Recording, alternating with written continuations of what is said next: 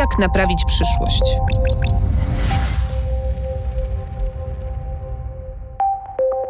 Co zrobić, gdy wszyscy trąbią o nieuchronnej katastrofie? O apokalipsie ekologicznej, technologiach, nad którymi przestajemy panować, rosnących nierównościach społecznych, cyberwojnach, populistach, fake newsach. Możesz próbować odciąć się od złych informacji, uprawiać własny ogródek i udawać, że wszystko jest w porządku. Ale możesz też wziąć sprawy w swoje ręce. Naiwność? Być może, ale wolę wierzyć w to, że działania pojedynczych ludzi mają znaczenie. O tym, jak naprawić przyszłość w duchu filozofii DIY, czyli naszego swojskiego zrób to sam, będę rozmawiać z naszymi gośćmi, ekspertami z różnych dziedzin. Postaram się też namówić ich do tego, by weszli w buty futurologów i spróbowali opisać, jak będzie wyglądał interesujący nas wycinek rzeczywistości w 2050 roku. Nazywam się Barbara Sowa i w imieniu magazynu Pismo zapraszam do słuchania podcastu. Z reguły, gdy mówimy o zdrowej diecie, mamy na myśli jedzenie bogate w witaminy, minerały i wszystkie mikroelementy, które przesądzają o tym, czy jakiś produkt pozytywnie wpływa na nasze zdrowie, czy nie. W pierwszym odcinku podcastu z cyklu Jak naprawić przyszłość Chciałabym Was namówić do tego, żeby na swój posiłek spojrzeć w nieco inny sposób, a mianowicie pod kątem śladu węglowego, jaki on zostawia. Czyli porozmawiamy o diecie dobrej dla klimatu. Powód jest prosty. Świat zmierza ku ekologicznej zagładzie, której jesteśmy głównym sprawcą. Przemysł żywieniowy odpowiada zaś za ponad 20% gazów cieplarnianych emitowanych przez człowieka. Myślimy zazwyczaj o zanieczyszczeniach, jakie emitują nasze auta czy piece używane do ogrzewania domów, a zapominamy, że nasz posiłek też zostawia ślad węglowy. Począwszy od produkcji nawozów i nawożenia pól pod uprawę, hodowli zwierząt, transportu żywności, na przechowywaniu i gotowaniu potraw kończąc. I pewnie w sytuacji, gdy pociąg z napisem Apokalipsa pędzi jak szalony, nasze indywidualne wybory go nie zatrzymają. Ale jak pisze autorka genialnej książki Nadzieja w mroku, Rebeka Solnit, nie zawsze jesteśmy świadomi tego, jak wielki wpływ na bieg historii mogą mieć drobne zdarzenia i nasze jednostkowe postawy. Zmiana rodzi się długo, ale czasem wystarczy iskra, by dokonała się w jednej chwili. O koniecznych zmianach, realnych konsekwencjach kryzysu klimatycznego dla naszej diety, o tym, czy nasze wybory żywieniowe mają znaczenie oraz o tym, jak powinna wyglądać dieta przyjazna środowisku, porozmawiam dziś z profesor Ewą Rębiałkowską, prezes Stowarzyszenia Forum Rolnictwa Ekologicznego imienia Mieczysława Górnego. Co powinno lądować na naszym talerzu, a z czego powinniśmy zrezygnować, jeśli nie chcemy, by posiłek odbijał nam się moralną czkawką? Posłuchajcie pierwszego odcinka mojego podcastu. Ten odcinek jest częścią cyklu Zmiana klimatu już tu jest, którego mecenasem jest Santander Bank Polska, oferujący profesjonalną obsługę klientów private banking. Jak naprawić przyszłość? Zanim przejdziemy do rozmowy z profesor Rębiałkowską, wspomniana szczypta futurologii. Kojarzycie jedzenie w popularnych filmach albo w literaturze science fiction? Twórcy prześcigali się w skrajnie różnych koncepcjach. Jedzenie przyszłości przedstawiano jako szarą papkę bez smaku, jak w orwellowskim roku 1984, albo owsiankowy klejk, jak w Matrixie. A z drugiej strony pojawiały się syntetyczne specjały z replikatora w Star Treku, który potrafił spełniać niemal każde jedzeniowe życzenie bohaterów, albo niebieskie mleko, czy samorobiący się zielony chleb w Star Warsach. W sequelu Blade Runnera, który pokazuje rzeczywistość 2049 roku, jedzenie kupuje się w gigantycznych odpowiednikach dzisiejszych automatów z przekąskami. Zamiast roślin czy zwierząt hoduje się jadalne owady. Czy te wizje mają jakikolwiek związek z rzeczywistością? Zastanawialiście się, jak będzie wyglądało jedzenie przyszłości? Co będziemy mieli na talerzach w 2050 roku? Zapytałam o to ekspertów obecnych w czasie debaty, jaką organizujemy w ramach premiery pisma.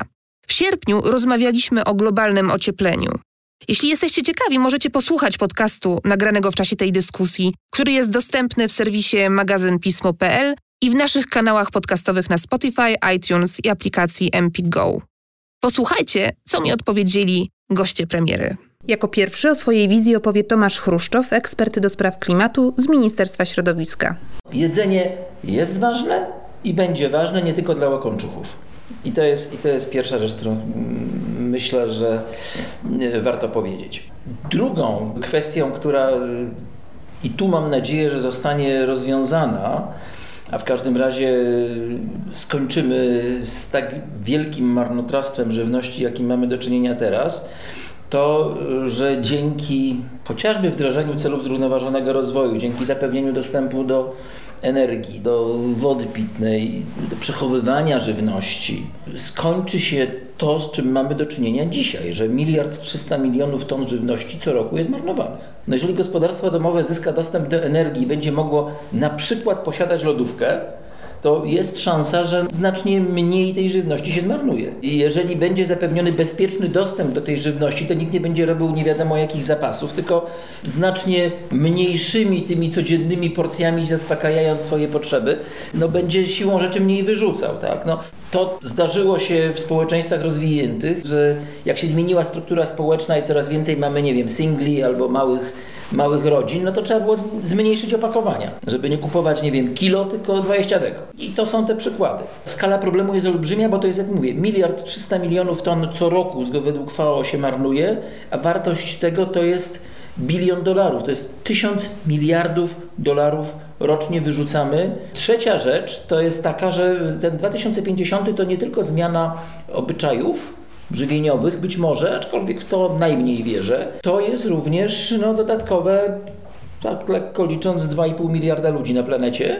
W związku z tym pewnie będziemy bardzo blisko 10 miliardów. No i te 10 miliardów ludzi będzie musiało coś zjeść, coś wypić, no i nie, nie, nie zjeść siebie samych przy okazji. Akurat miałem to szczęście, że mniej więcej półtora miesiąca temu uczestniczyłem w takim wydarzeniu, takiej uroczystej kolacji na której zaprezentowano to, co można no, wyczarować, mając trochę wyobraźni, umiejętności i narzędzi również, roślin, niekoniecznie z mięsa. I muszę powiedzieć, że no nie tylko dlatego, że akurat lubię tego typu jedzenie, ale y, chociaż wegetarianinem nie jestem, że, że, że było to zaskakująco y, urozmaicone, w smaku doskonałe. Natomiast absolutnym hitem było coś, co już jest do kupienia chociażby w Stanach Zjednoczonych. W Europie chyba jeszcze nie. Nazywa się Impossible Burger.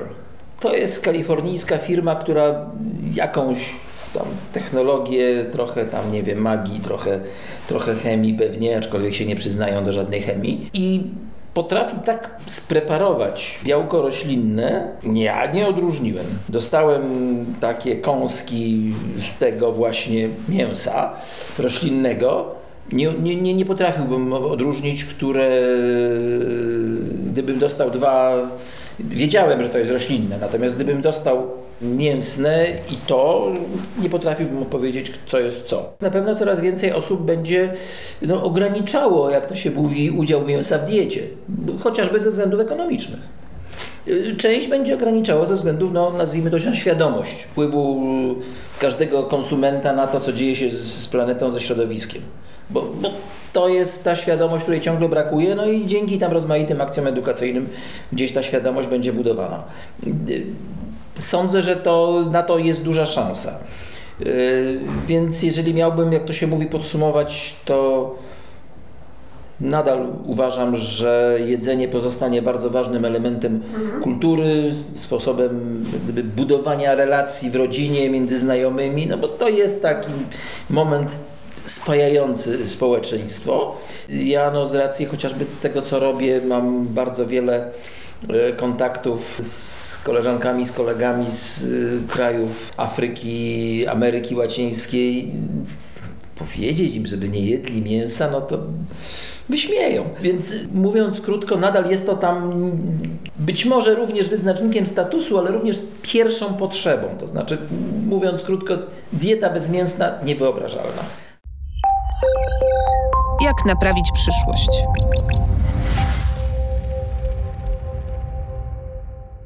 Nazywam się Ewa Rewers, mam 19 lat.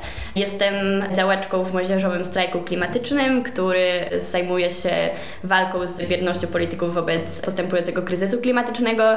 Wydaje mi się, że trochę zmian na pewno zajdzie. Zmiany klimatyczne w dużym stopniu na pewno wpłyną na rolnictwo, ponieważ z kryzysem klimatycznym związane są m.in. częściej występujące susze i powodzie, więc po prostu to jedzenie nasze hodować będzie trudniej. Czy to właśnie rośliny, czy bydło. I wydaje mi się, że znaczy przede wszystkim mam też trochę taką nadzieję tak naprawdę, że w związku z rosnącym trendem na takie nawyki żywieniowe jak wegetarianizm czy weganizm, to będziemy trochę od tego mięsa odchodzić, może przynajmniej właśnie od takiej hodowli przemysłowej, która jest teraz na bardzo dużą skalę.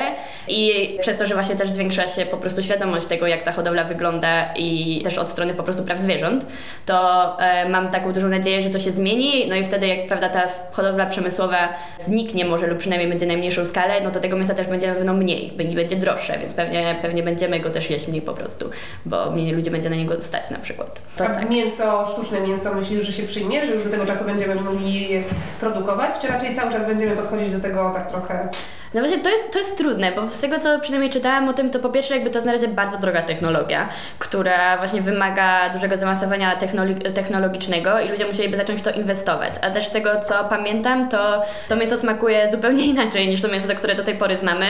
No a z tego co wiem, to większość ludzi je mięso właśnie dla jego smaku, więc nie wiem, czy może na przykład właśnie uda się w końcu wyprodukować taką technologię, żeby ten smak był też podobny, wtedy może by się przyjęło. Ale myślę, że dużo ludzi po prostu boi się też tak takich rozwiązań. Myślę, że to jest możliwe, że na naszym talerzu właśnie pojawią się różne takie dziwne rzeczy z proszku, czy właśnie sztucznie wyhodowane. No mam taką obawę, że przez ten właśnie zbliżający się kryzys klimatyczny po prostu coraz trudniej będzie zapewnić bezpieczeństwo żywieniowe. Te niektóre właśnie rozwiązania, tak zwane sztuczne, czy mm, po prostu technologiczne wyprodukowanie, wyprodukowane jedzenie może być po prostu niezbędne, prawda? Ale, ale szczerze mówiąc nie jestem zupełnie w stanie sobie tego wyobrazić, jak to ma wyglądać, jak mają wyglądać, nie wiem, syntetyczne genetycznie wyprodukowane ziemniaki czy cokolwiek. Bardzo bym tego nie chciała tak naprawdę, bo jednak wiadomo, że po prostu coś, co jest wyprodukowane, że co jest wyhodowane w ziemi, e, zebrane przez farmerów i po prostu jest świeże, naturalne jest o wiele lepsze też w smaku, przynajmniej ja mam takie doświadczenie, prawda, jak kupuję, jak moja mama kupuje, czy ja kupuję pomidory, prawda, które są po prostu od rolnika z, na targu, no to one smakują zupełnie inaczej niż takie nawet z supermarketu, jakby były jeszcze jakieś syntetycznie wyprodukowane, to ja nie mam pojęcia, jak one miałyby smakować. Jak naprawić przyszłość? Anna Piotrowska, jestem dziennikarką, zajmuję się popularyzacją odkryć naukowych. Chciałabym wiedzieć, wierzyć, że właściwie wszystko to, co mamy teraz, że właściwie się nic nie zmieni, ale pewnie się zmieni. Ja myślę, że do 2050 roku przede wszystkim uda się opracować tanie metody produkcji mięsa z próbówki. Na to bardzo liczę, bo kocham wołowinę. E, trochę mi żal krów, więc chętnie bym zjadła taką wołowinę, która jest wyhodowana w laboratorium. Liczę na to, że ponieważ e, po pierwsze będą zmiany klimatu i my ich nie unikniemy, pewne owoce, które do tej pory były uprawiane w klimacie ciepłym, zostaną u nas e, zaintrodukowane i że one będą czymś zupełnie naturalnym. Być może chodzi tutaj tylko i wyłącznie o winogrona, które będą duże, czerwone, piękne i będą słodkie przede wszystkim, ale że będą to tego, tego typu rzeczy. E, że dzięki temu, że no, globalizacja się nie uniknie i oczywiście można narzekać, na ile jest ona zła dla klimatu i na ile ona jest e, szkodliwa, to jednak też jest faktem i że będziemy mieli dostęp do coraz większej liczby egzotycznych e, warzyw i owoców. Że będą wprowadzane nowe, modyfikowane genetycznie uprawy. One już są wprowadzane, my sobie nie zdajemy z tego sprawy. One są wbrew pozorom bardzo zdrowe, dlatego że tak naprawdę nie ma żadnych dowodów na to, że są zagrożeniem. Więc być może powstaną krzyżówki roślin warzywnych, które dzisiaj są zupełnie nieznane i się pojawią. Być może to będą na przykład, nie wiem, skrzyżowania bakłażanów z paprykami. Ten trend, który my teraz obserwujemy, zwróćmy uwagę, że idzie na to w takim kierunku, żebyśmy jedli, jedli bardzo zdrowo. Więc bardzo dużo świeżych warzyw i owoców. Bardzo dużo w ogóle świeżych też lokalnych produktów. Więc jeżeli u nas będą rosły piękne winogrona, to będziemy jeść te winogrony do upadłego. One nie muszą jechać do nas z Kapsztadu, bo ostatnio gdzieś widziałam piękne winogrona z Kapsztadu. Ja ich nie chcę. Ja chciałabym, żeby one mi wyrosły w ogródku, tak, żeby też były takie ładne. Więc ja myślę, że w ogóle ten trend, który my teraz obserwujemy, związany ze stylem życia bardziej, czyli zdrowo, świeżo, będzie kontynuowany. Co tutaj może się pojawić? To na przykład mogą się pojawić y, uprawy hydro, hydroponiczne, tak, czyli takie, gdzie roślina jest zawieszona tylko i wyłącznie w wodzie i, i rośnie, tak, żeby to szybko, szybko szło. Myślę, że pojawią się też nowe pokarmy, które będą miały właściwości lecznicze. My już teraz na przykład odkrywamy, że większość grzybów jest bardzo zdrowa. To jest ciekawe, że mm, jeszcze 30 lat temu na przykład wszyscy mówili, że grzyby są ekstra, są tylko dobrym dodatkiem smakowym. Jest bardzo dużo nowych badań, które pokazują, że na przykład takie zwykłe boczniaki mają bardzo silne właściwości obniżające cholesterol i że właściwie można stosować je jako lekarstwo. Więc ja myślę, że w przyszłości dużo e, żywności, którą dzisiaj mamy po prostu na, na talerzu, zyska taką mm, znaczenie funkcjonalne, czyli takie znaczenie związane z tym, żeby nie wiem, z profilaktyką zdrowotną, tak. Mogą być na przykład też y, na tyle zmodyfikowane, że na przykład zwiększyć ilość tych substancji, które na przykład obniżają cholesterol. Ja bym chciała, żeby zniknęły wszystkie napoje słodzone cukrem żeby ludzie jakby przestawili się na, na zdrowe jedzenie, tak? Żeby z, zresztą to widać w chwili obecnej i to jest taki trend, który gdzieś tam się przesuwa. To jeszcze trochę będzie e, trwało, no ale myślę, że do 2050 roku to się zadzieje. Ja myślę, że, że to, co się zmieni tak naprawdę, to jest też świadomy wybór, świadome y, życie, tak? Jeżeli my mówimy o zmianach klimatu i nie wybieramy różnych rzeczy, to myślę, że, że w tych materiach też się coś zmieni. Ja mam nadzieję, że zniknie plastik. To jest moje wielkie marzenie, ponieważ myślę, że to nawet jest bardziej chyba niebezpieczne niż zmiany klimatu. Myśmy się z tym plastikiem zbyt mocno zagalopowali. To jest bardzo, bardzo duży problem, bo moim zdaniem Ziemia znacznie bardziej cierpi z tego powodu niż, no może nie, dobra, no trochę przygięłam, niż ze zmian klimatu. Myślę, że to jest równoważne, tak, ale że sobie na przykład nie zdajemy sprawy, jak drobinki plastiku mogą nam uszkadzać po prostu tkanki i komórki, że się wbudowują na stałe do, do ciała. To też nie jest e, bez znaczenia. Mój kolega, który siedzi obok mnie biurko w biurko, codziennie jest pirulina. Wygląda to ohydnie. Wygląda jak taki glutek, ale twierdzi, że to jest bardzo dobre. Więc ja myślę, że e, to znajdzie to swoją niszę. E, natomiast to musi wyglądać trochę inaczej, żeby to ludzie pokochali. Ja myślę, że to, jest, że to wejdzie jakąś taką żywność funkcjonalną, dlatego że to, są takie dziwne rzeczy, które mają naprawdę znaczenie bardzo prozdrowotne, a chlorofil i jest dużo badań, które pokazuje, że chlorofil jest super i że bardzo dobrze działa i że w ogóle zielone świetnie działa. Ja myślę, że my będziemy potrzebowali coraz więcej tych przeciwutleniaczy, które są właśnie w, zawarte w roślinach, e, zwierzętach e, mniej, bardziej w roślinach, w algach, tego typu rozwiązaniach. Ja myślę, że ten trend zdrowego stylu życia się będzie utrzymywał. Nas fantazja trochę czasami za bardzo ponosi, a my powinniśmy obserwować te trendy, które są i jakoś je tam ekstrapolować. Chociaż muszę się przyznać, że kiedy 10 lat temu ktoś mi przeczytał taki tekst o tym, że moja komórka będzie, moja y, lodówka będzie mówiła, że nie ma jajek i ona musi je kupić, to ja byłam trochę zdziwiona. A to się stało. Więc może, może po prostu to będzie tak, że za 50 lat będziemy się spotykać w większym gronie, będziemy jedli bardzo dobre steki, które gdzieś tam wyrosły na orbicie bo być może okaże się, że mięso, kultury mięsa na steki znacznie lepiej sobie radzą w warunkach mikrograwitacji niż tutaj na Ziemi. I że cała, cała Ziemia będzie otoczona wielkimi stacjami w formie pierścieni, gdzie będą rosły cudowne rośliny, które będą nas e, karmiły. Więc może to będzie tak, a może my po prostu będziemy mieszkali na tych stacjach i e, uprawiali te e, steki na szakach Petriego i te hydroponiczne uprawy, które będziemy po prostu wykorzystywać do, do jedzenia. Jak naprawić przyszłość? Anna Jerzyńska, specjalistka do spraw komunikacji w Stowarzyszeniu Otwarte Klatki. To, co przede wszystkim wydaje mi się, że zniknie, bo zniknąć po prostu musi, patrząc na, na dane i wszelkie prognozy, to z pewnością zniknie mięso z hodowli przemysłowej, dlatego że e, to, w jaki sposób e, obecnie hodujemy zwierzęta, w jaki sposób pozyskiwane jest ich mięso, jest e, no, kompletnie nieefektywne. Przede wszystkim wiąże się z ogromnym cierpieniem zwierząt. No, to jest dla nas jako otwartych klatek rzecz absolutnie podstawowa, to znaczy zyski, kosztem po prostu dobrostanu zwierząt są standardem w hodowli przemysłowej. Jeśli spojrzymy na chociażby kurczaki, to 98% mięsa pochodzi właśnie z hodowli przemysłowych, mimo że, co jest pewnym paradoksem, te hodowle stanowią tak naprawdę tylko 4% wszystkich gospodarstw w Polsce. Więc to też jest tego rodzaju problem, że niekoniecznie to dostrzegamy, a jednak rzeczywiście ta przemysłowa hodowla zdominowała całkowicie jakby współczesny rynek produkcji e, żywności. Hodowla przemysłowa wiąże się oprócz ogromnego cierpienia zwierząt też z ogromnym zniszczeniem środowiska. To widzimy po tym, jak jak y, wiele społeczności lokalnych protestuje przeciwko obecności takich ferm w swojej okolicy, jak bardzo one zatruwają i glebę, i wodę, i powietrze, co też jakby wiąże się e, z różnymi komplikacjami zdrowotnymi dla tych ludzi, ale też tym, że nie da się rozwijać żadnych innych form przedsiębiorczości w tym regionie.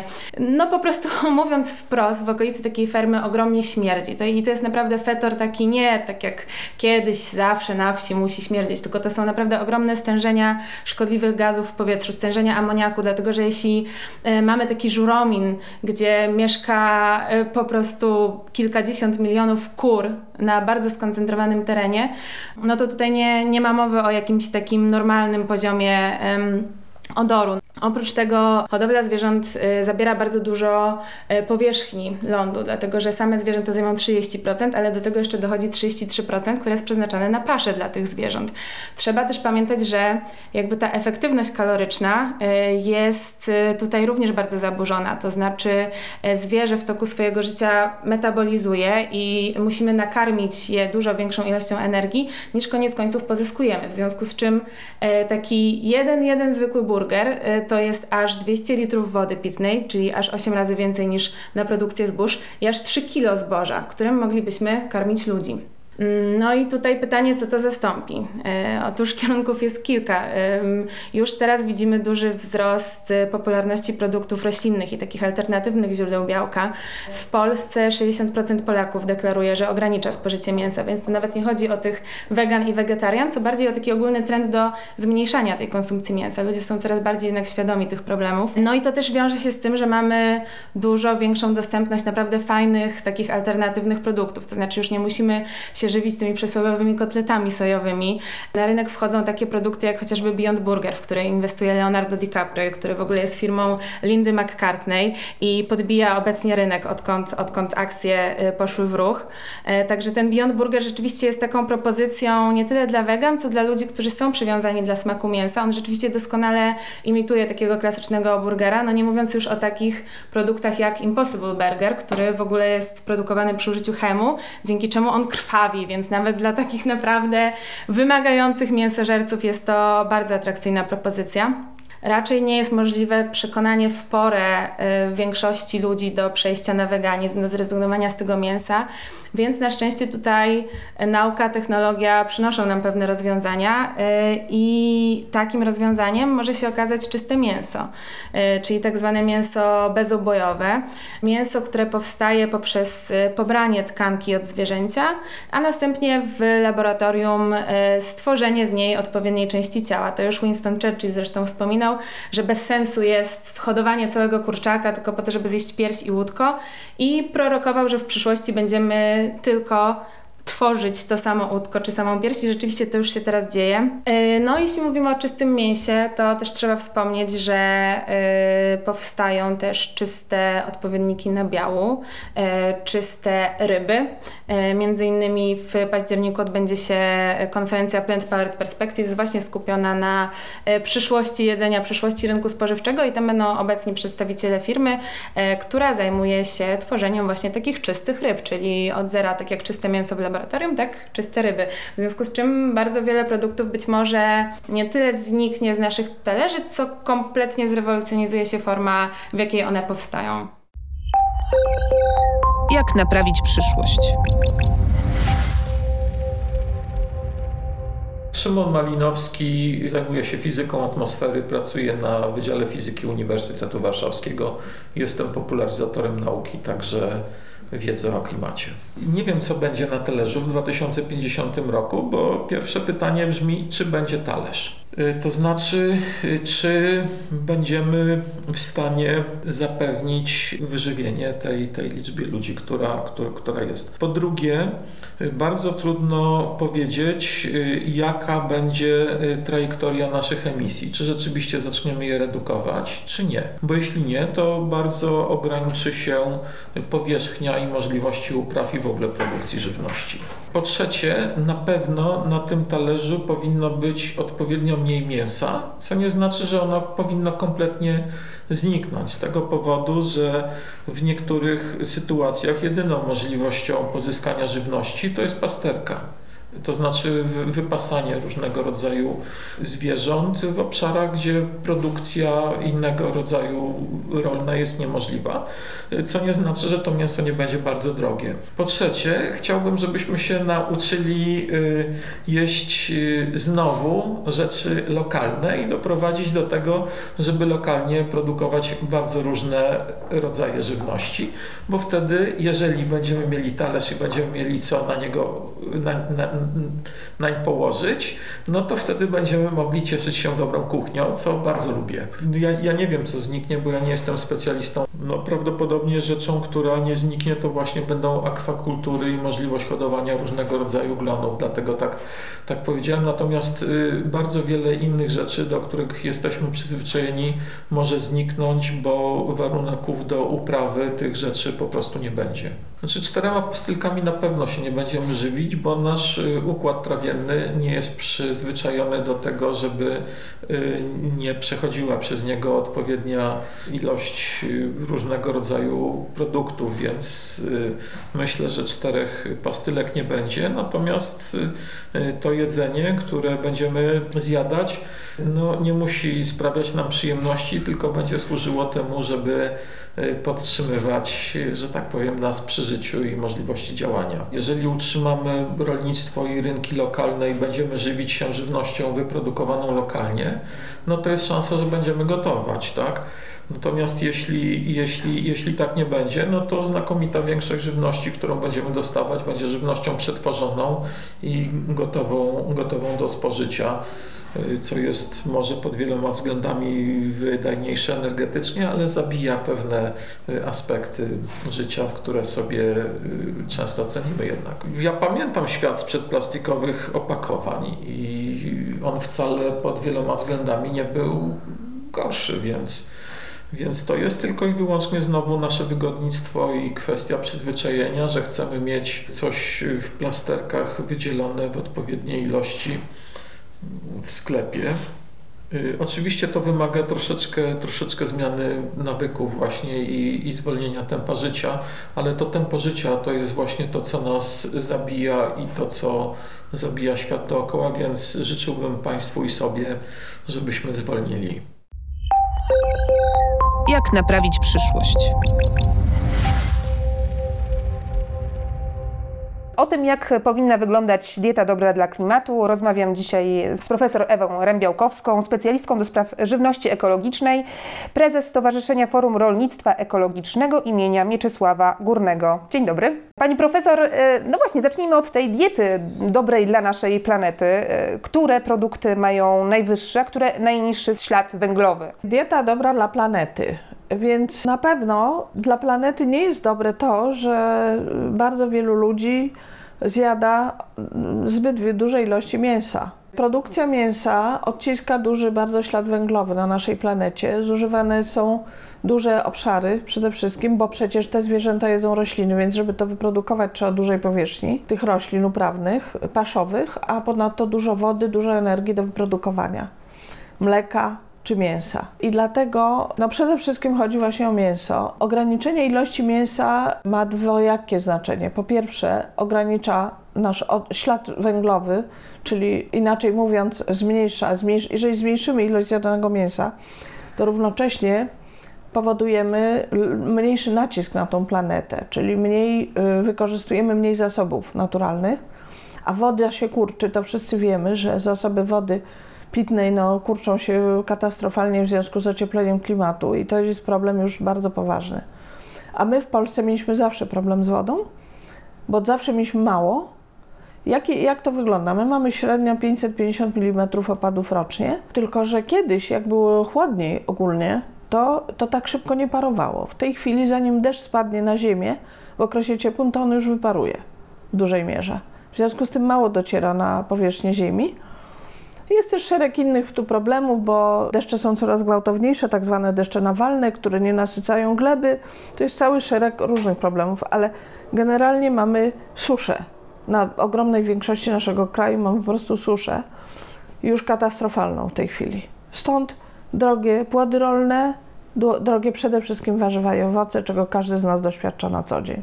To prawda. No właśnie, ale gdybyśmy mieli, powiedzieliśmy o mięsie, co jeszcze powinniśmy wyeliminować albo ograniczyć e, Znaczy, w naszej diecie? jeszcze chciałam powiedzieć, że ograniczenie ilości mięsa ma dwojakie znaczenie, bo raz, że ratujemy ziemię, klimat, zasoby naturalne, ale druga sprawa, y, ratujemy sami siebie, bo dieta obecnie zalecana to jest dieta albo całkowicie wegetariańska, czyli bezmięsna, albo pesko-wegetariańska, czyli zawierająca wyłącznie ryby w diecie, albo tak zwana semi-wegetariańska, która polega na tym, że zjadamy bardzo mało mięsa, czyli na przykład mięso jemy dwa razy w tygodniu, a w pozostałe dni tygodnia rezygnujemy ze spożycia mięsa. Przeciętny Polak zjada w tej chwili bardzo dużo mięsa, więc to, o czym mówimy w tej chwili, tyczy się naszego społeczeństwa w bardzo dużym stopniu. I te tendencje są wzrostowe, to znaczy tam jest chyba rzeczywiście około 80 kg e, rocznie na osobę e, i ilość mięsa nadal rośnie. Tak, jest tendencja wzrostowa, a jest tendencja niestety spadkowa, jeżeli chodzi o spożycie warzyw. Właśnie ostatnio czytałam takie doniesienie, że tak, y, mniej jemy warzyw w porównaniu z rokiem 2013 wyraźnie o kilka ładnych procent mniej jemy warzyw i owoców, co wiąże się ze wzrostem cen. Najprawdopodobniej tak uważają ekonomiści, że to ma wpływ taki. Ale summa summarum to ta dieta Polaka jest niezdrowa bardzo. Bardzo niezdrowa jest nasza dieta, bo oprócz tego, że jemy o zdecydowanie za dużo mięsa i trzeba by to jak najszybciej starać się przekonać społeczeństwo do ograniczeń w tym zakresie i jeżeli byśmy jedli do 40 kg, to i tak jest sporo na osobę, ale dwa razy mniej niż w tej chwili jemy.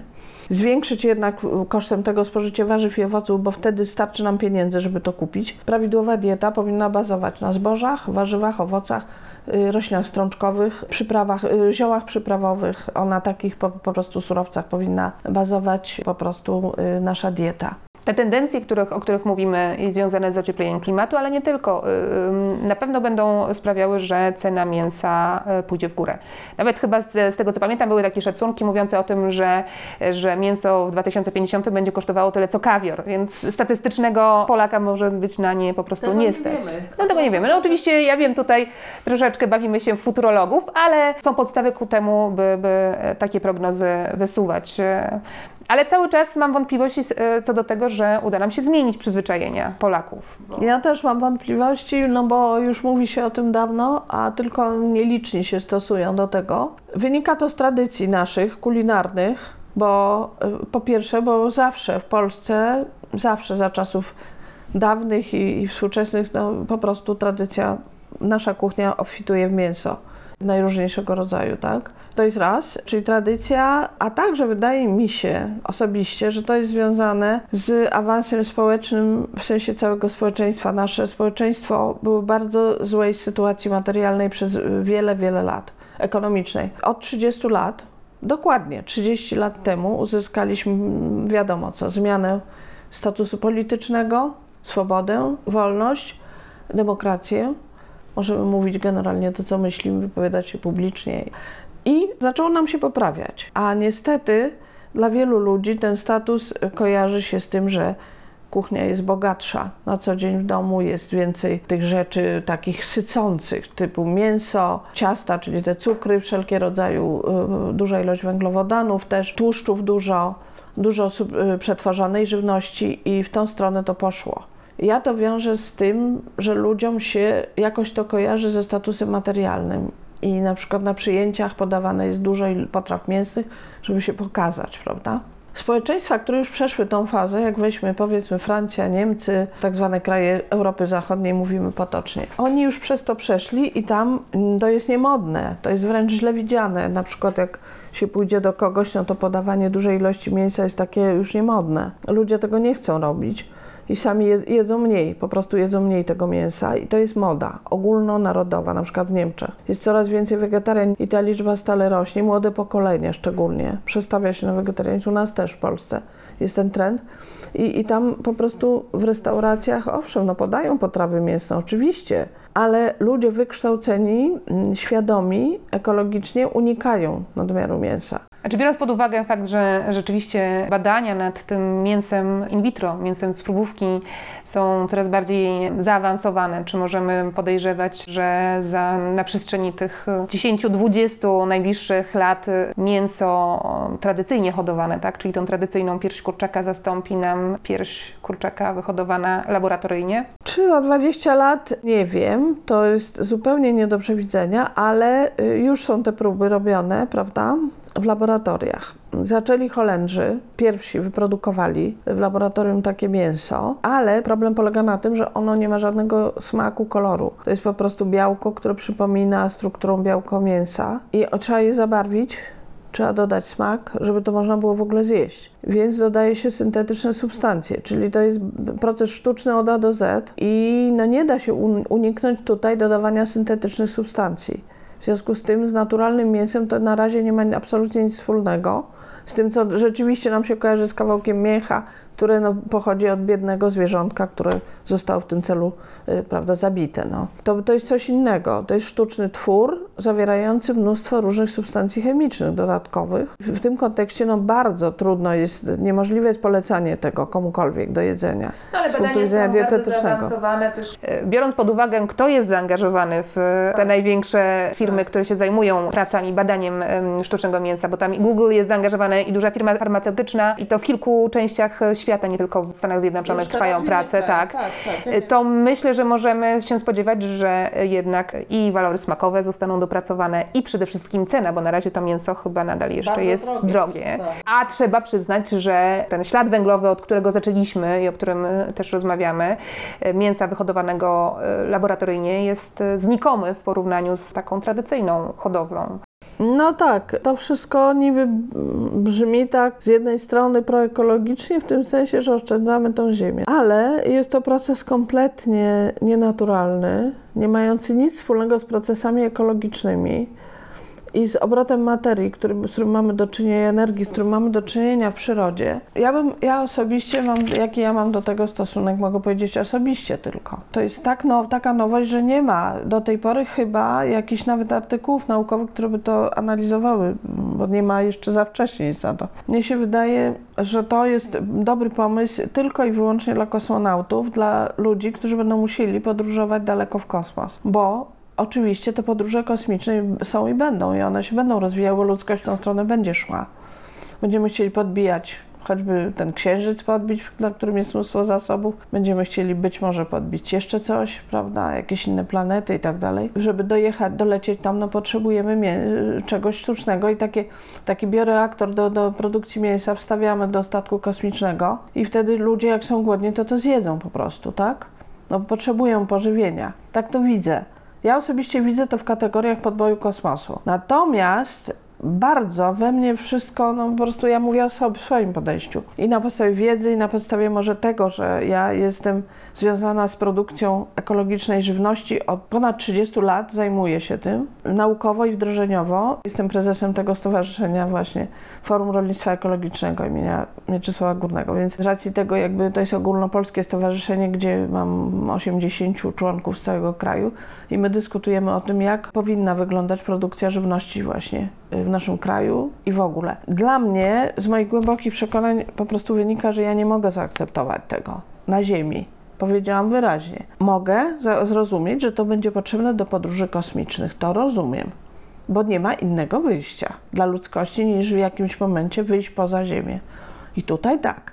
Tak samo jak produkcja roślin w tych sztucznych warunkach, tak? To już się zaczęło. Natomiast w, tym, w tą stronę, natomiast na Ziemi my nie, po pierwsze tego nie potrzebujemy, od tego trzeba zacząć. My tego w ogóle nie potrzebujemy, bo trend powinien być taki, żeby ludzie ograniczyli spożycie mięsa i w związku z tym będzie go mniej potrzeba. Prawda? To jest podstawowa ta rzecz. A czy to nie jest, to jest trochę takie myślenie życzeniowe, że chcielibyśmy, żeby ludzie ograniczyli spożycie mięsa, mięsa ale tak się niestety na razie nie Znaczy dzieje. na razie się tak y, dzieje w krajach, które przeszły już fazę zachwytu, prawda, tym, tym bogatym pożywieniem w kalorie i tak dalej, tu bym powiedziała kraje dobrze rozwinięte, najwyżej rozwinięte, do których zaliczyć należy stare kraje Unii Europejskiej, Stany Zjednoczone, chociaż to jest już różnie w zależności od y, grupy społecznej, z którą tam mam do czynienia, ale Kanada, Australia, Nowa Zelandia to są te kraje, w których ludzie rozumieją, że trzeba ograniczyć już, naprawdę ograniczyć się z tym mięsem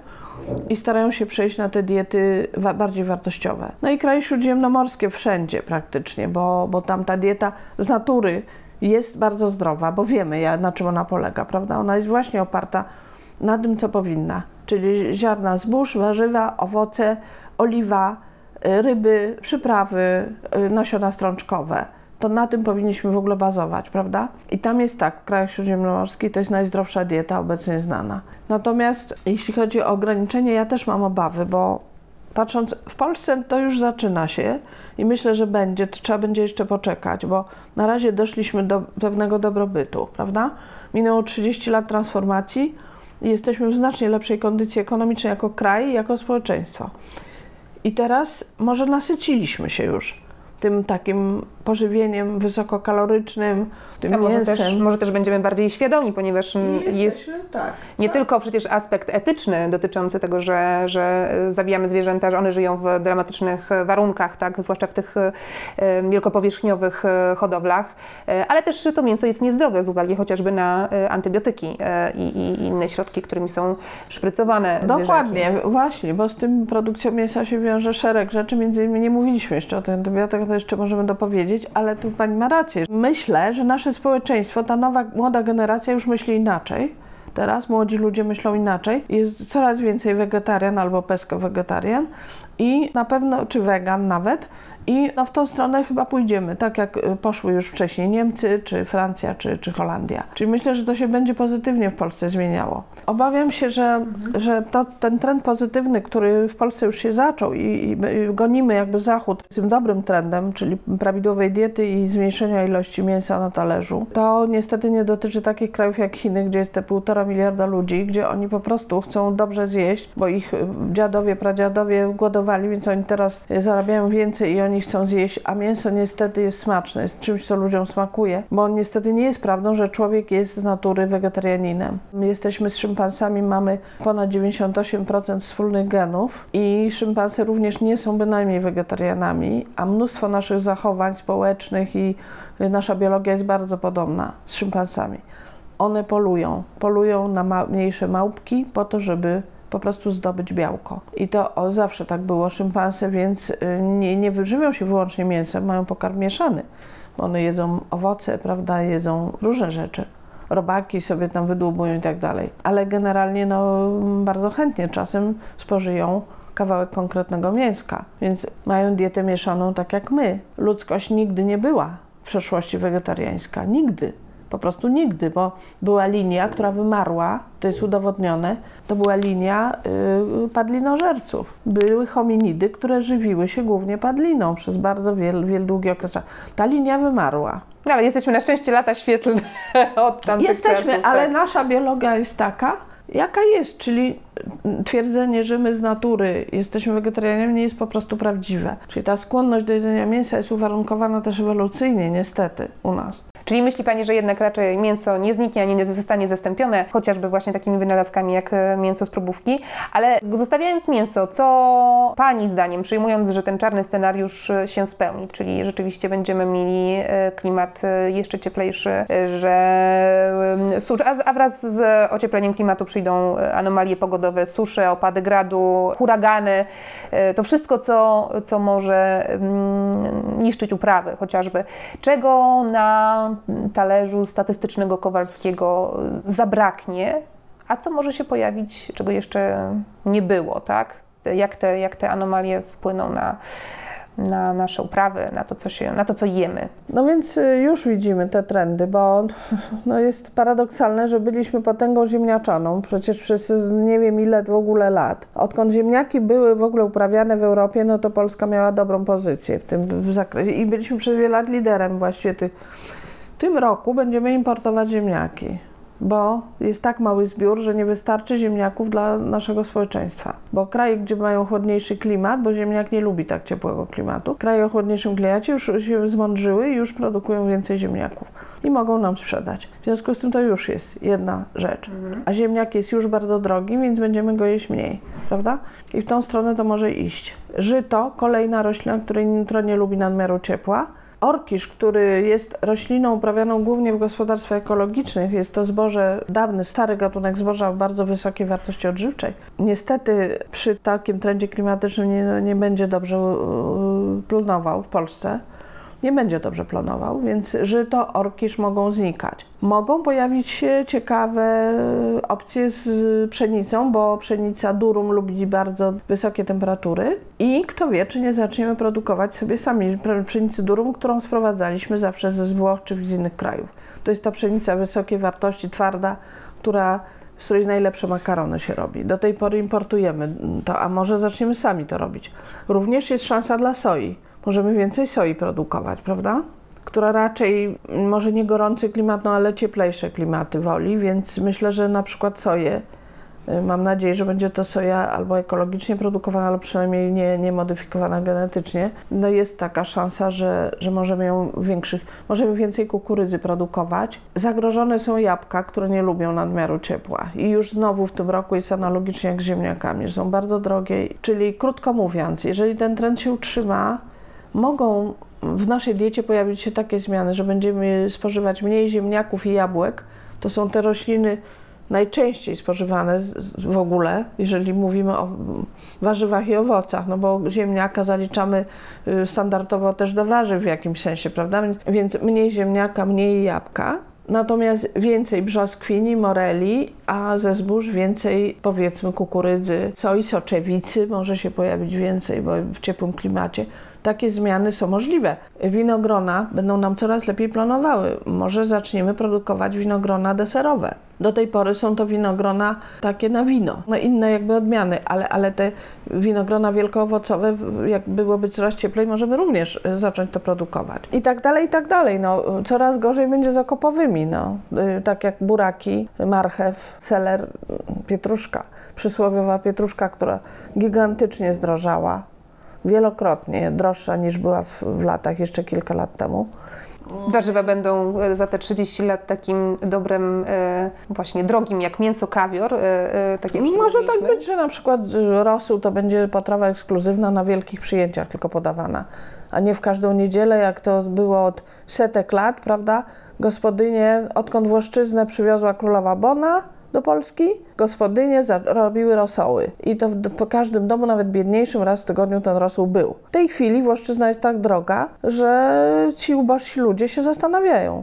I może w przyszłości mówimy o tym, co będzie. Jeśli te trendy się utrzymają, to ten rosół może być tylko na święta gotowany, a na co dzień nie będzie się zup robiło na Włoszczyźnie, tylko będzie się robiło jakieś inne rzeczy, prawda? Na przykład choćby tak jak mówimy, zupa z soczewicy czy coś takiego przecierana jak będzie tańsza ta soczewica, no to, to można coś takiego częściej gotować. Nie wiem, kiedy to nastąpi. Powiem szczerze, że jak myślę o tych zmianach, docelowo nie jest mi wcale przyjemnie ani wesoło. E, jak myślę o tych zmianach diety, bo ta dieta i w ogóle kuchnia polska jest, jest pyszna, jest, jest unikalna w pewnym sensie, jest bardzo dobrą kuchnią i szkoda by było tego wszystkiego, ale nigdy nie wiemy, co będzie. Ale rzeczywiście, no, jeżeli klimat będzie się tak ocieplał, to w tą stronę po prostu będziemy szli. No to, to taki rzeczywiście smutny scenariusz. A ja jeszcze chciałam zapytać, czy w związku z tym, że pewne będą braki u nas, tak, w, może właśnie zabraknąć jabłek, albo może być ich mniej, albo ziemniaków, to czy my będziemy ulegali temu trendowi na e, importowanie żywności? Bo rzeczywiście jak się mówi o tym, jakie jedzenie powinno, jakie jedzenie powinniśmy wybierać, żeby sprzyjać e, klimatowi ziemi,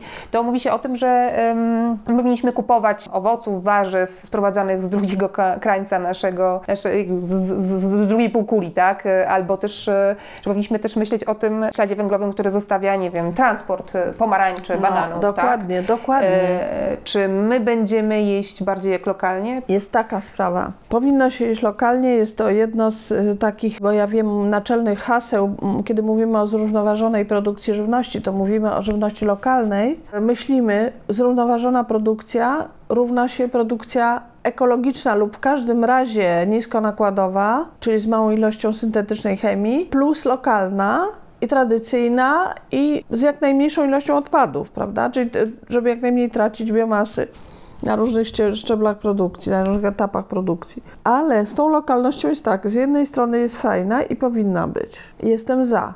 Ja osobiście mogłem się wyrzec wszystkiego oprócz no chyba dwóch, trzech, przepraszam, surowców importowanych. Mówię, na, powiedzmy na moim przykładzie. Cytryna, uwielbiam, dodaję ją do wielu potraw, uwielbiam herbatę z cytryną, uwielbiam, dodaję do surówek, do mnóstwa rzeczy. Jest też taka zupa cytrynowa, mm, która była w Polsce popularna już bardzo dawno. To jest stary przepis i ja na przykład ją uwielbiam. Więc byłoby mi trudno bez cytryn. Kawa, bez której nie mogę żyć, bo mam niskie ciśnienie i herbata, którą ubóstwiam pić. Natomiast mogę się obyć bez pomarańczy, bez mandarynek, bez winogron tych wielkoowocowych, mogę bez tego żyć. Bez mango, bez awokado spokojnie i ananasa. Nie muszę tego jeść. Ale mówię te trzy rzeczy, do których jesteśmy w naszej kuchni już bardzo przyzwyczajeni od wielu setek lat, bo herbatę pijemy dawno, kawę również. Przecież Mickiewicz pisał o parzeniu kawy, cały poemat, prawda, w Panu Tadeuszu. No i te cytryny, które też są w naszej kuchni dawno. No, bez tego byłoby dość tak mm, niemiło, aczkolwiek jak trzeba, to by się człowiek wyrzekł. Bo rzeczywiście, sprowadzając żywność z okolic, na przykład Warszawy do powiedzmy 50 kilometrów, trzymamy się koncepcji produkcji lokalnej. Czyli mamy gospodarstwa wokół Warszawy położone 50 kilometrów i ograniczamy sprowadzanie do Warszawy tych surowców, które są produkowane wokół Warszawy. To jest dobre. Natomiast chcę zwrócić uwagę, to jest ogólnie dobre, bo po prostu zmniejszamy ślad węglowy, no bo sprowadzanie, na przykład co mnie bardzo razi, sprowadzanie jabłek z Nowej Zelandii, co zawsze ma miejsce, kiedy nasze jabłka się kończą, czyli w maju zaczynają się te jabłka z Nowej Zelandii, które mają charakterystyczne, albo są mocno czerwone i całe błyszczące, albo takie całe zielone i mocno błyszczące. Wyglądają jak sztuczne. Wiecie Państwo, co mam na myśli. Jabłka te pryskane są niesamowitą ilością chemii, żeby dojechały do Polski. Czyli jest mnóstwo syntetyków używane. Poza tym zużywamy ileś tam paliwa, żeby to przywieźć tej Nowej Zelandii. Jestem temu naprawdę przeciwna, bo to są płody rolne, które tutaj można wyprodukować. A jeżeli u nas się nie udały, bo w tym roku mamy nieurodzaj jabłek, tragiczny w ogóle nieurodzaj jabłek, prawdopodobnie jedną czwartą urodzaju jabłek zeszłorocznego, który też nie był za wys... Nie, zeszłoroczny był bardzo duży, przepraszam. Był bardzo dobry urodzaj. No więc mamy jakieś jedną czwartą tego urodzaju zeszłorocznego w tym roku. Z uwagi na, na właśnie pogodę? Czy... Tak, ze względu na, na mrozy, które były w maju i wytłukły nam część sadów, a potem fatalna pogoda, susza, yy, nad, nadmierne upały i, i no, jabłka już kosztują 4-5 zł, a co będzie później, tak? Więc jest dramat z jabłkami. W tym roku jest dramatyczna sytuacja. Być może w przyszłym roku będzie lepiej, ale jest jedna rzecz. Mówiąc, ja jestem za dietą lokalną. Tak jak powiedziałam, podoba mi się, bo nie sprowadzamy z daleka, Mm, ale mm, jabłka możemy z Włoch na przykład sprowadzić, tak? Tam, czy z Niemiec. Na południu Niemiec ogromne sady jabłkowe, teraz byłam niedawno, widziałam. I, I tam im dość dobrze to brodziło, bo nie mają lepsze opady. Możemy od nich kupować, możemy od Włochów kupować te jabłka, ale nie sprowadzać ich z Nowej Zelandii, no bo to już się robi naprawdę absurd. W tym, że u nas chyba e, e, jakby konsument decyduje przede wszystkim z uwagi na cenę. To znaczy to jest ten pierwszy Tak, faktor, niestety ten pierwszy tak. najważniejszy e, Jeżeli to, tak, jeśli to jabłko nowozelandzkie będzie tanie i tańsze od naszego, to, to ludzie to kupią, bo ich to nic nie obchodzi. Ale to jest też brak świadomości. U nas się o tym nie mówi, o tych rzeczach, o czym my mówimy teraz. Nie mówi się. Po prostu nie mówią, media się tym nie zajmują w ogóle. Prawie w ogóle. Trochę się zaczyna, ale to jest jeszcze o wiele za mało. I ludzie nie myślą, bo jeżeli w telewizji by się mówiło o tym często, prawda? Przeciętny Polak co robi? Ogląda po południu telewizję, tak? Jeżeli by się mówiło o tym, że jabłko z Nowej Zelandii powoduje to i to i to, prawda? Że, że zużywamy straszną ilość paliwa i środków chemicznych, to może by ludzie się zastanowili nad tym. A że nie tylko ważna jest ta cena, ale są też ważne inne rzeczy i wspieranie rodzimego rynku. I natomiast jest jeszcze jedna rzecz, o której się mało też mówi i mało dyskutuje. weźmy przykład y, właśnie kakao na przykład. Ghana jest y, takim mm, krajem, w którym bardzo dużo się, to jest główny produkt y, Gany, to jest właśnie kakao. Oni mają drzewa kakaowe, produkują. Dobrze, przestajemy pić kakao i przestajemy jeść czekoladę. Cała Europa nagle, prawda, nie. Co ma zrobić Ghana ze swoim produktem? To jest pewien aspekt interesujący, bo kraje południa żyją z tych, z tej produkcji kawy, herbaty, kakao, ananasów, pomarańczy, mango i tak dalej, i tak dalej. Ogromna lista różnych surowców, których my nie mamy. Możemy żyć bez kakao i bez czekolady, to możemy, chociaż czekolada jest właściwie w małych ilościach bardzo zalecana, bo zawiera magnez, którego nam generalnie brakuje w diecie na przykład. I polifenole, więc w zasadzie jest dość zdrowa. W małych ilościach, podkreślam, nie cała tabliczka. Ale dobra, możemy się wyrzec, ale, ale półkula północna może się tego wyrzec, ale ta półkula południowa tego sama nie zje i oni po prostu upadną, te kraje. Ta ich, na przykład ekonomia Gany, w ogóle cała gospodarka może upaść przez to. Więc czy tą drogą mamy iść? Bo to, jest, to byłaby tak straszna rewolucja na skalę światową, te kraje południa nagle stracą rynki, stracą całe gałęzie gospodarki, będą ich upadać i ci ludzie prawdopodobnie, jeżeli by to nastąpiło szybko, to ci ludzie tam zaczną umierać z głodu po prostu. No, taka jest prawda, no bo zamkną plantacje, ci ludzie nie mają innych źródeł utrzymania, swoje gospodarstwa już porzucili, bo pracują u, u, u, u plantatora, od dwóch pokoleń razem z małymi dziećmi przychodzą na plantację, a swoje to mają tam ogródek, którym mają tylko tam jedną roślinę czy coś, ale nie potrafią i umierają z głodu. Mamy tutaj do czynienia po raz kolejny z takim, mielibyśmy do czynienia z takim absurdem porównywalnym do biopaliw, tak? kiedy wybieramy jakieś proetyczne e, tak. e, rozwiązanie, tak? bo chcemy ograniczyć ślad węglowy, e, etc., etc., ale to proetyczne rozwiązanie de facto jest jeszcze bardziej szkodliwe, o czym się dowiadujemy po jakimś czasie, tak, tak jak właśnie było z, z biopaliwami. Tak. No i pytanie, no właśnie pytanie, skąd my mamy czerpać wiedzę, skąd możemy wiedzieć, jakie rozwiązania są rzeczywiście etyczne, są rzeczywiście dobre, dobre, tak? Jak, gdzie szukać takich informacji dotyczących takich naszych codziennych wyborów przy, nie wiem, przy kasie i, znaczy, w supermarkecie? Trudna bardzo sprawa, bo ten temat, który teraz ja poruszyłam, do tej pory to jest temat w ogóle Nikt na świecie jeszcze chyba nie wie, jaki model wybrać, żeby było optymalnie. Taka jest prawda. Powinniśmy rozpocząć nad tym dyskusję, debatę w gronach ekspertów. Powinna się toczyć taka dyskusja oparta na tym co właśnie aspektach etycznych, aspektach y, ekonomicznych i aspektach ekologicznych. Te trzy E powinny być brane prawda, pod uwagę. Ekologia, etyka, ekonomia. I to powinna być debata międzynarodowa, tak? Debata międzynarodowa y, dotycząca choćby tego, co w naszej diecie wyeliminować, a co zatrzymać w jakim kierunku iść, jakie wydawać nawet poradniki, przewodniki ludziom. Czy co, napisać w tym przewodniku ludzie przestańcie w ogóle jeść czekoladę i nie kupujcie kakao? No na przykład taki problem jest, o którym powiedziałam. No, a, a z kolei wartości odżywcze niesie ze sobą ten produkt, akurat bardzo wysokie. Bo tak jak powiedziałam, magnezu mamy bardzo mało w naszej diecie. Polacy mają niedobór magnezu, wszyscy właściwie. A zjedzenie dwóch tafelków ciemnej, podkreślam, czekolady, nie mlecznej, dziennie zabezpiecza nas w magnez. I teraz co te kobiety mają robić, bo to przeważnie najwięcej kobiety mają te niedobory. Też jest żelazo, na przykład y, właśnie w czekoladzie również są pełne ilości żelaza, które kobietom są niezbędne.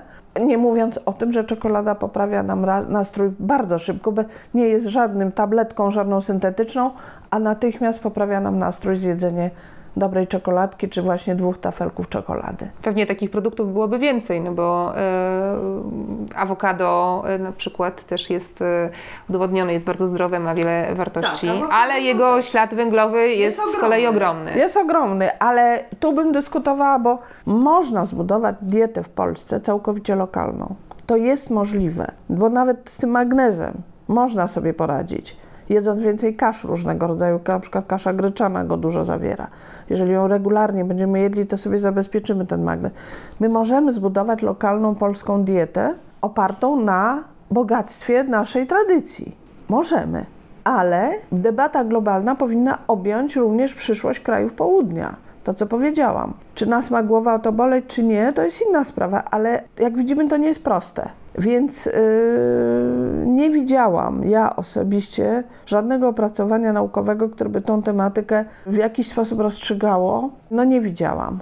Może ja nie widziałam, może są już takie opracowania, ale podejrzewam, że nie, bo to zawsze jest przedmiotem bardzo ostrej dyskusji i debaty. Natomiast jedno, co jest absolutnie pewne, powinniśmy dążyć do tego, aby to, co się da produkować i kupować lokalnie, to jest, na, to jest bez żadnych wątpliwości. Dałam przykład jabłek, które mówię, u nas nie obrodziły, ale Włochy, Niemcy mają tego full być może nawet bliżsi sąsiedzi, trzeba by poszukać i tam kupować po prostu te jabłka. No trudno, nie obrodziły, no więc kupimy tu, za rok obrodzą u nas, prawda? I my będziemy je sprzedawać. Ziemniaki w tym roku fatalnie, za rok może być dużo lepiej. W tym roku kupmy je, czy od Niemców, czy tam, nie wiem, od Skandynawów, od kogoś komu lepiej to obrodziło, ale poruszajmy się przynajmniej w obrębie Europy. Kupowanie z innych kontynentów ograniczmy do tego, co naprawdę jest niezbędne. A e, naprawdę, jeżeli pokolenie moje wychowało się bez ananasa, bez mango, bez awokado, bez jeszcze masy innych prawda, surowców i jakoś urośliśmy, jakoś żyjemy i, i jakoś nikt nie umarł, można się bez tego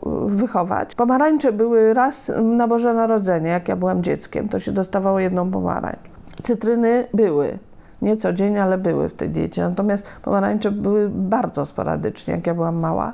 I po prostu wróćmy może do takiej, w tą stronę uważam, że powinniśmy iść, czyli ograniczmy ilość tej egzotyki w tym pożywieniu, yy, sprowadzanych produktów, szczególnie takich, które sami możemy produkować. Dietę zróbmy zrównoważoną, ale w tym celu musimy sięgnąć do przepisów naszych matek i babek i musimy sięgnąć do tradycyjnej kuchni, która była niezwykle bogata, a w tej chwili co my jemy? Co przeciętny Polak je? Kotlet schabowy albo pierś kurczaka na zmianę. Tylko te dwa rodzaje mięsa. A akurat te zwierzęta pasione są w 70% modyfikowaną kukurydzą i soją. Akurat trzoda chlewna i kurczaki i indyki.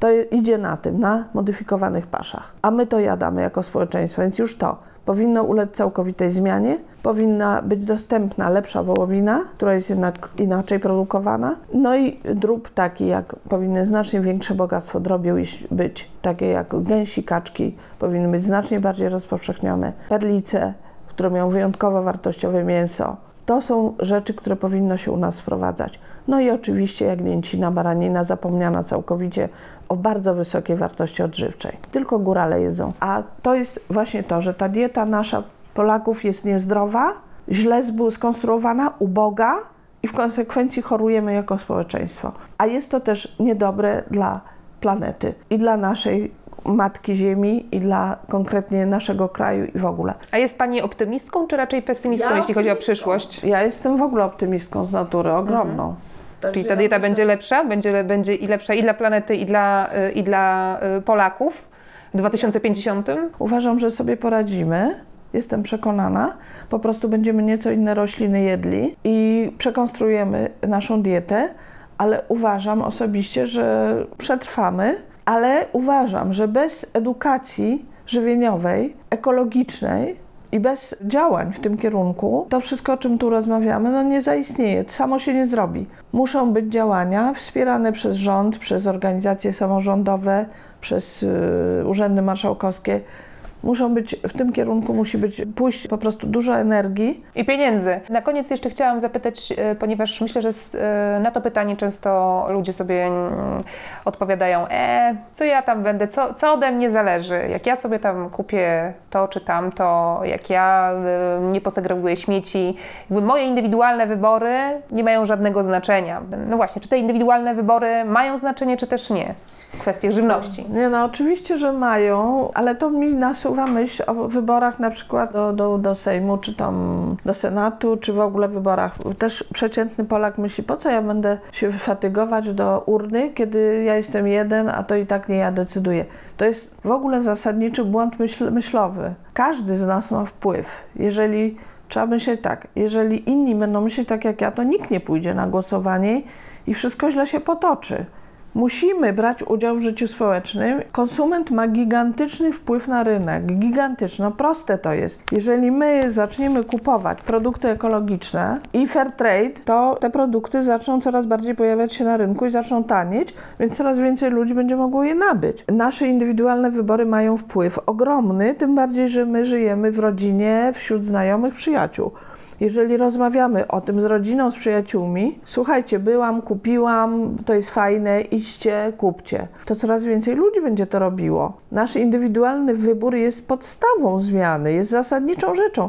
To, co my robimy z odpadami na co dzień, z wodą, co robimy z energią, z jedzeniem naszym, ze stylem życia, ma kolosalny wpływ na przyszłość, więc to jest bardzo ważne, co my osobiście robimy, już nie mówiąc o tym, że to, co robimy osobiście, rzutuje na nasze jestestwo, rzutuje na nasze poczucie sensu w życiu i na przyszłe y, nasze powodzenie. Także mm, jeżeli robimy coś dobrego dla Polski, jeżeli robimy coś dobrego dla lokalnej społeczności i robimy coś dobrego dla planety, to robimy coś dobrego również dla siebie. No i to jest najlepsze podsumowanie. Jeśli nie chcemy mieć wyrzutów sumienia, to zacznijmy dokonywać dobrych wyborów. Bardzo, bardzo serdecznie Pani Profesor dziękuję za rozmowę. Dziękuję również bardzo.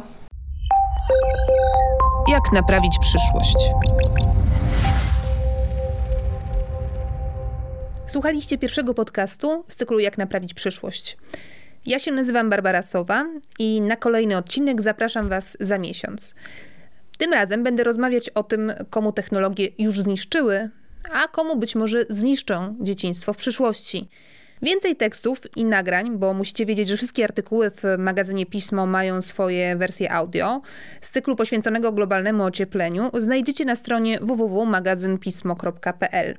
Polecam Wam szczególnie reportaże Filipa Springera, który jeździ po Polsce i opisuje miejsca, gdzie zmiany klimatyczne widać już dziś.